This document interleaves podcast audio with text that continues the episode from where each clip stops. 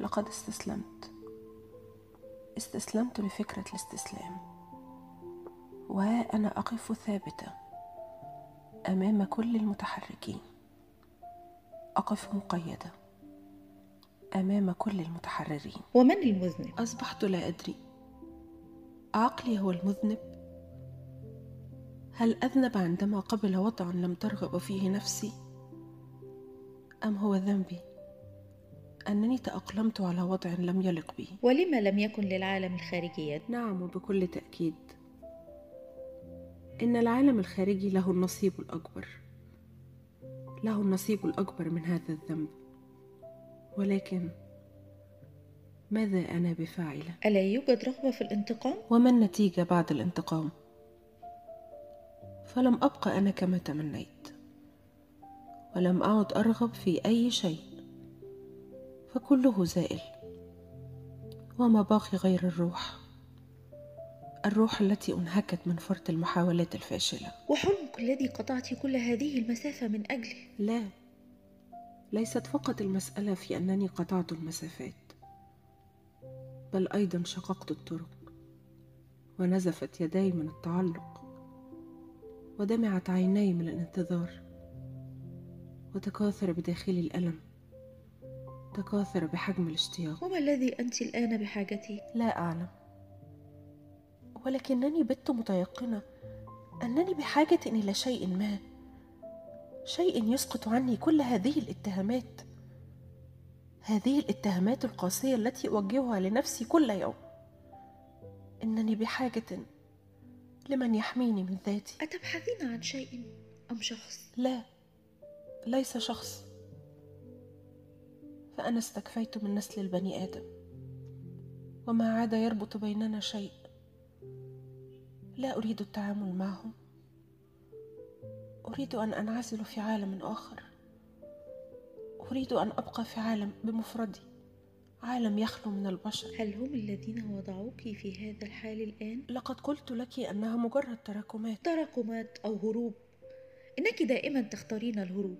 فهذا ليس الاستسلام الأول لك أنا لست هاربة وليس الاستسلام بالأمر المعروف عني ولكنني ولكنني تعبت من كثرة المحاولات إنها بالفعل تراكمات تراكمات عمر بأكمله أتدرين ماذا تحتاجين حقا؟ ماذا يا فيلسوفة عصرك؟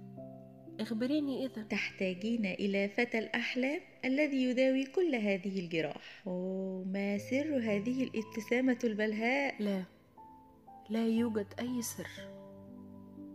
ولكنك لازلت لا تصدقين الأمر. هذا هو كل شيء. أو بعد كل هذا الحديث لم أصدق؟ احكي فإني أسمع بكل أذان صاغية. لم أكن مثلهم يوما ما. كنت دائما أختلف عنهن.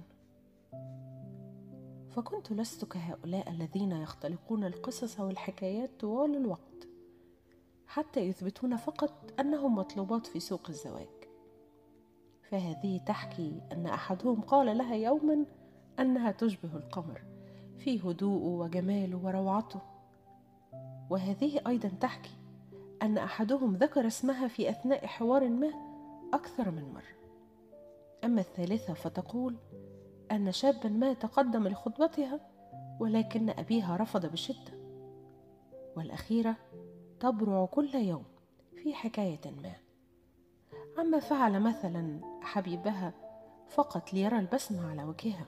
هل تريدين أن أصدق أن هناك فتاة في هذا العالم لم تفكر بهذا الأمر؟ أعلم أنك مختلفة ولكن ليس لهذا الحد. ومن قال هذا؟ نعم كنت أفكر. ولكن بطريقة مختلفة. مختلفة عنهن تماما. لقد كنت أبحث عنه في كل وقت ومكان. لا لم أكن أبحث عن فتى الأحلام كما يطلق عليه الفتيات. ولكن كنت أبحث عن شريك. شريك للأهداف والطموح قبل أن يكون شريك للحياة الزوجية الروتينية.